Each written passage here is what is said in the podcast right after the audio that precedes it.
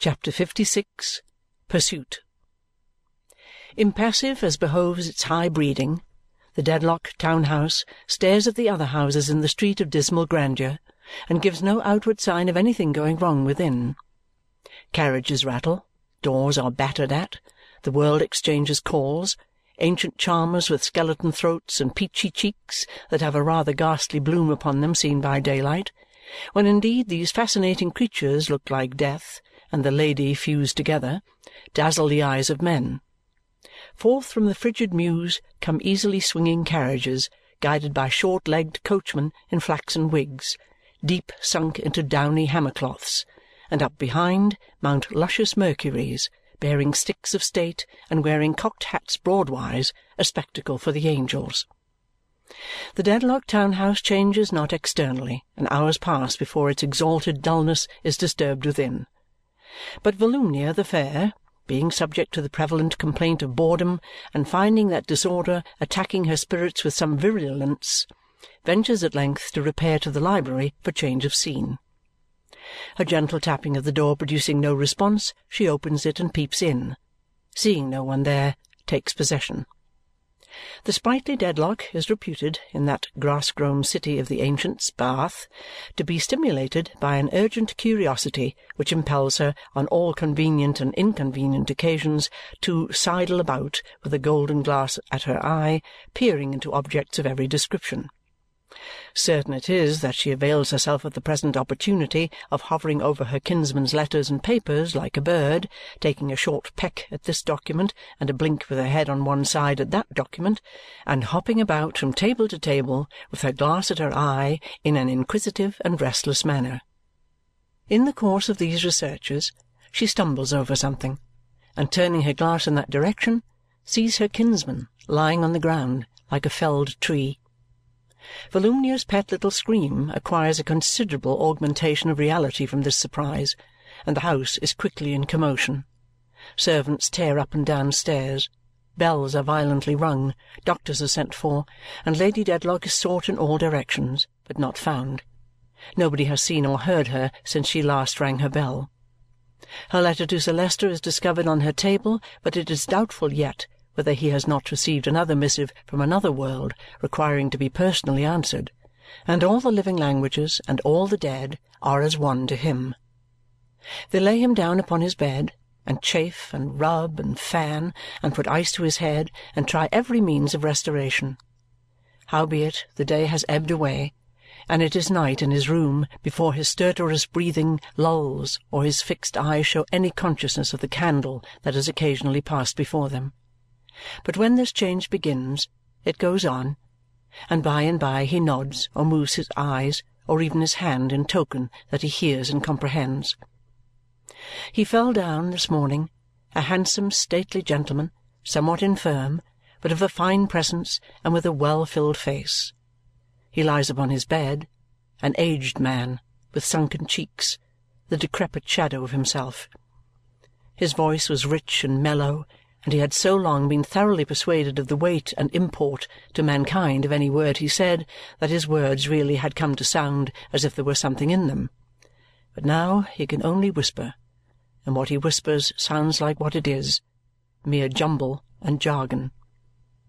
His favourite and faithful housekeeper stands at his bedside. It is the first act he notices, and he clearly derives pleasure from it. After vainly trying to make himself understood in speech, he makes signs for a pencil. So inexpressively that they cannot at first understand him. It is his old housekeeper who makes out what he wants and brings in a slate. After pausing for some time, he slowly scrawls upon it in a hand that is not his, Chesney Wold. No, she tells him, he is in London. He was taken ill in the library this morning. Right thankful she is that she happened to come to London and is able to attend upon him. It is not an illness of any serious consequence, Sir Leicester. You will be much better to-morrow, Sir Leicester. All the gentlemen say so. This with the tears coursing down her fair old face. After making a survey of the room and looking with particular attention all round the bed where the doctors stand, he writes, My Lady. My Lady went out, Sir Leicester, before you were taken ill and don't know of your illness yet. He points again in great agitation at the two words. They all try to quiet him, but he points again with increased agitation. On their looking at one another, not knowing what to say, he takes the slate once more and writes, My Lady, for God's sake, where? and makes an imploring moan. It is thought better that his old housekeeper should give him Lady Dedlock's letter, the contents of which no one knows or can surmise. She opens it for him and puts it out for his perusal. Having read it twice by a great effort, he turns it down so that it shall not be seen and lies moaning. He passes into a kind of relapse or into a swoon, and it is an hour before he opens his eyes, reclining on his faithful and attached old servant's arm. The doctors know that he is best with her, and when not actively engaged about him, stand aloof. The slate comes into requisition again, but the word he wants to write he cannot remember. His anxiety, his eagerness, and affliction at this pass are pitiable to behold. It seems as if he must go mad in the necessity he feels for haste and the inability under which he labours of expressing to do what or to fetch whom. He has written the letter B, and there stopped. Of a sudden, in the height of his misery, he puts Mr. before it. The old housekeeper suggests, Bucket? Thank heaven! That's his meaning. Mr. Bucket is found to be downstairs by appointment. Shall he come up? There is no possibility of misconstruing Sir Leicester's burning wish to see him or the desire he signifies to have the room cleared of every one but the housekeeper. It is speedily done, and Mr. Bucket appears. Of all men upon earth, Sir Leicester seems fallen from his high estate to place his sole trust and reliance upon this man. Sir Leicester Dedlock, Baronet, I'm sorry to see you like this. I hope you'll cheer up. I'm sure you will, on account of the family credit. Sir Leicester puts her letter in his hands and looks intently in his face while he reads it. A new intelligence comes into Mr. Bucket's eye as he reads on with one hook of his finger, while that eye is still glancing over the words, he indicates, Sir Leicester Dedlock, Baronet, I understand you. Sir Leicester writes upon the slate, Full forgiveness. Find. Mr. Bucket stops his hand. Sir Leicester Dedlock, Baronet, I'll find her, but my search after her must be begun out of hand. Not a minute must be lost. With the quickness of thought, he follows Sir Leicester Dedlock's look towards a little box upon a table. Bring it here, Sir Leicester Dedlock, Baronet? Certainly.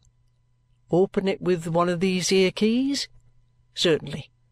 The littlest key? To be sure. Take the notes out? So I will. Count 'em? That's soon done twenty, and thirty's fifty, and twenty's seventy, and fifty's one twenty, and forty's one sixty. Take him for expenses? That I'll do. And render an account, of course. Don't spare money? No, I won't. The velocity and certainty of Mr. Bucket's interpretation on all these heads is little short of miraculous. Mrs. Rouncewell, who holds the light, is giddy with the swiftness of his eyes and hands as he starts up furnished for his journey. You're George's mother, old lady. That's about what you are, I believe, says Mr. Bucket aside, with his hat already on and buttoning his coat. Yes, sir. I am his distressed mother.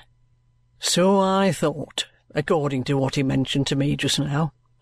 Well, then, I'll tell you something. You needn't be distressed no more. Your son's all right. Now, don't you begin a crying, because what you've got to do is to take care of Sir Leicester Dedlock, Baronet, and you won't do that by crying. As to your son, he's all right, I tell you, and he sends his loving duty and hoping you're the same. He's discharged honourable. That's about what he is, with no more imputation on his character than there is on yours, and yours is a tidy one, I'll bet a pound. You may trust me for I took your son. He conducted himself in a game way, too, on that occasion, and he's a fine made man, and you're a fine made old lady, and you're a mother and son, the pair of you, as might be showed for models in a caravan. Sir Leicester Dedlock, Baronet, what you've trusted to me, I'll go through with. Don't you be afraid of my turning out of my way, right or left, or taking a sleep, or a wash, or a shave, till I have found what I go in search of. Say everything as is kind and forgiving on your part. Sir Leicester Dedlock, Baronet, I will. And I wish you better, and these family affairs smoothed over, as, Lord, many other family affairs equally has been, and equally will be, to the end of time. With this peroration, Mr. Bucket, buttoned up, goes quietly out, looking steadily before him as if he were already piercing the night in quest of the fugitive. His first step is to take himself to Lady Dedlock's rooms and look all over them for any trifling indication that may help him. The rooms are in darkness now, and to see Mr. Bucket with a wax light in his hand holding it above his head and taking a sharp mental inventory of the many delicate objects so curiously at variance with himself would be to see a sight which nobody does see as he is particular to lock himself in. "A spicy boudoir this," says Mr. Bucket, who feels in a manner furbished up in his French by the blow of the morning. "Must have cost a sight of money. Rum articles to cut away from these. She must have been hard put to it opening and shutting table drawers and looking into caskets and jewel cases, he sees the reflection of himself in various mirrors and moralizes thereon. One might suppose I was a moving in the fashionable circles and getting myself up for Almack's, says Mr. Bucket. I begin to think I must be a swell in the Guards without knowing it. Ever looking about, he has opened a dainty little chest in an inner drawer his great hand turning over some gloves which it can scarcely feel, they are so light and soft within it, comes upon a white handkerchief. "Hum!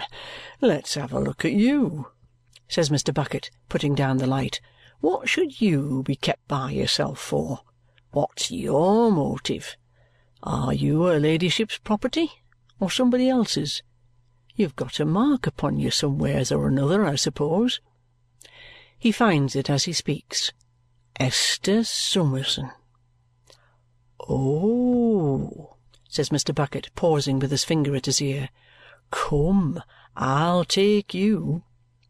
He completes his observations as quietly and carefully as he has carried them on, leaves everything else precisely as he found it, glides away after some five minutes in all, and passes into the street.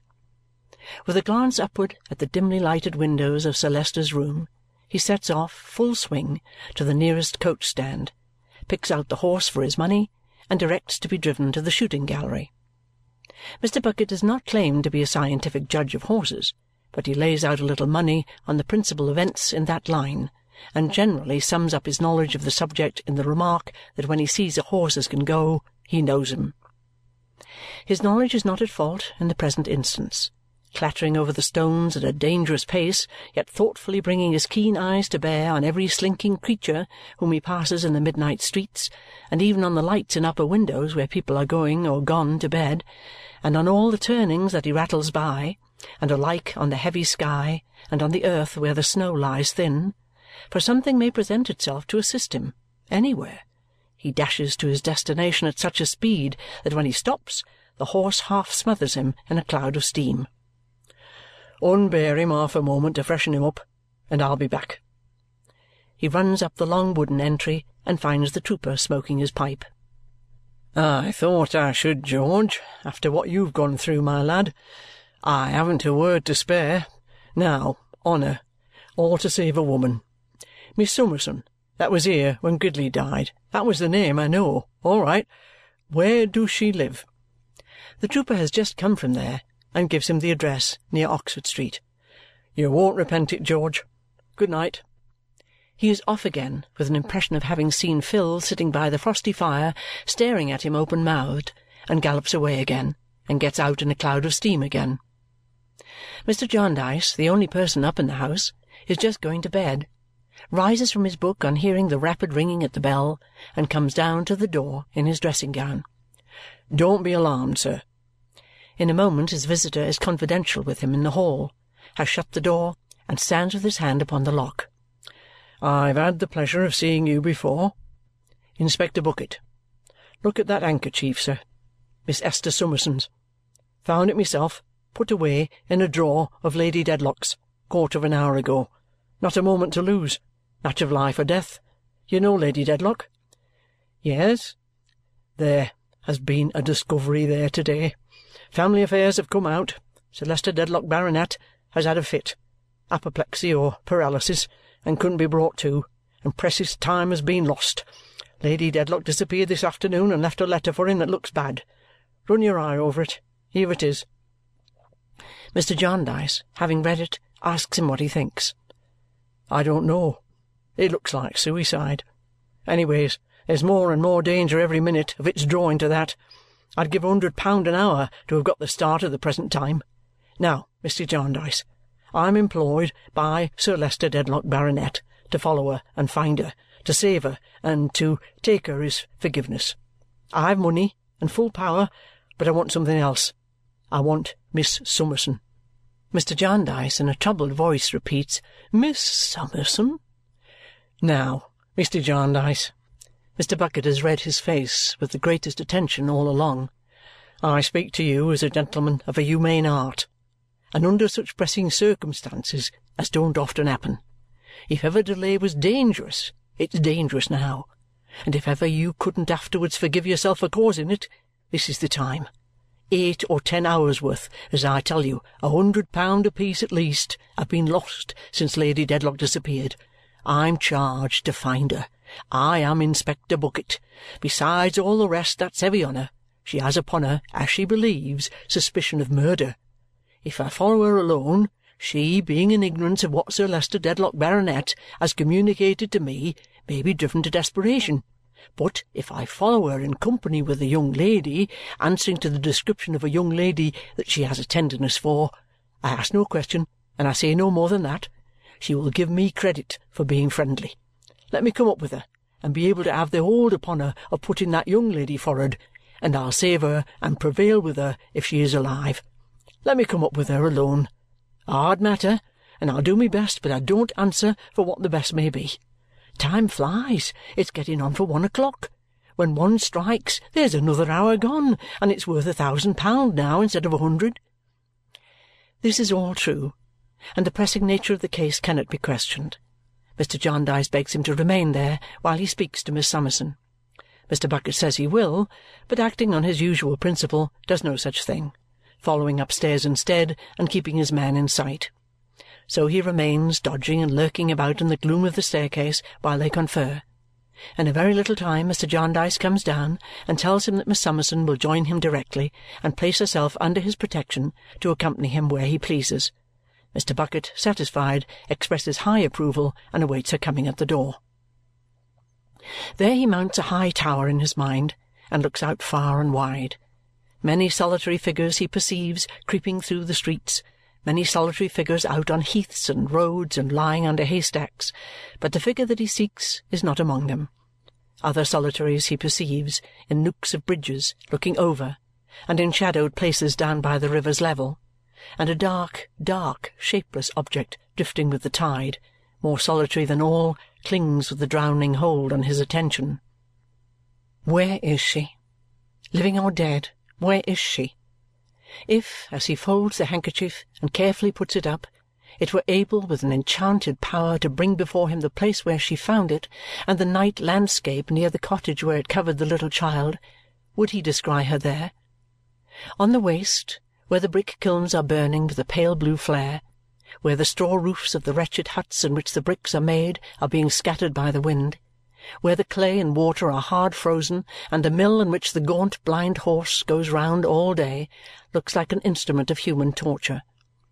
Traversing this deserted, blighted spot, there is a lonely figure, with the sad world to itself, pelted by the snow, and driven by the wind, and cast out, it would seem, from all companionship.